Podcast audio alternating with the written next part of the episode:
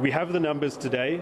Uh, obviously, on, on Friday, Action SA made certain changes. Uh, we've taken steps as the parties in the coalition.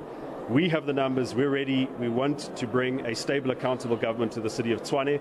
It is desperately needed at this stage because we are running out of time. We have until the end of this month to pass an adjustments budget. And if that budget is not passed, then we are going to see the steady deterioration of services.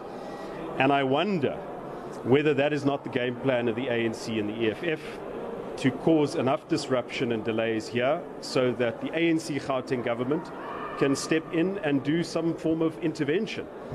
I also know, if I could just add, that Panyaza Lesufi has personally met and tried to meet with various councillors, various parties. He has consistently tried to make this multi party coalition fail.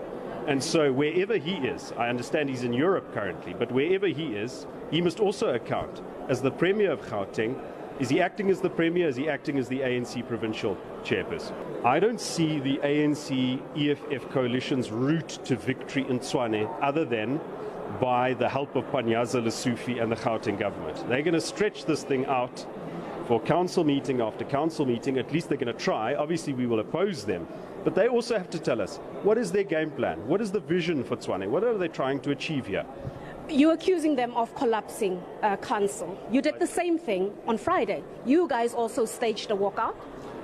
The important difference with Friday is the ANC depended on the support of three councillors who were not validly councillors at that stage. The Speaker refused to accept the fact that Action SA had withdrawn two of their councillors and that there was serious doubt about the status of a third councillor from Cope. We didn't walk, uh, stage a walkout. We stayed until the very end and tried to persuade the Speaker to postpone the council meeting to today, in fact. This was our proposal that the council meeting be held today. Uh, and now we're in a position where there's legal certainty as to the composition of councillors. That wasn't the fact on Friday. So, really, I mean, the ANC EFF coalition must give us an updated explanation. What is the game plan for Tswane?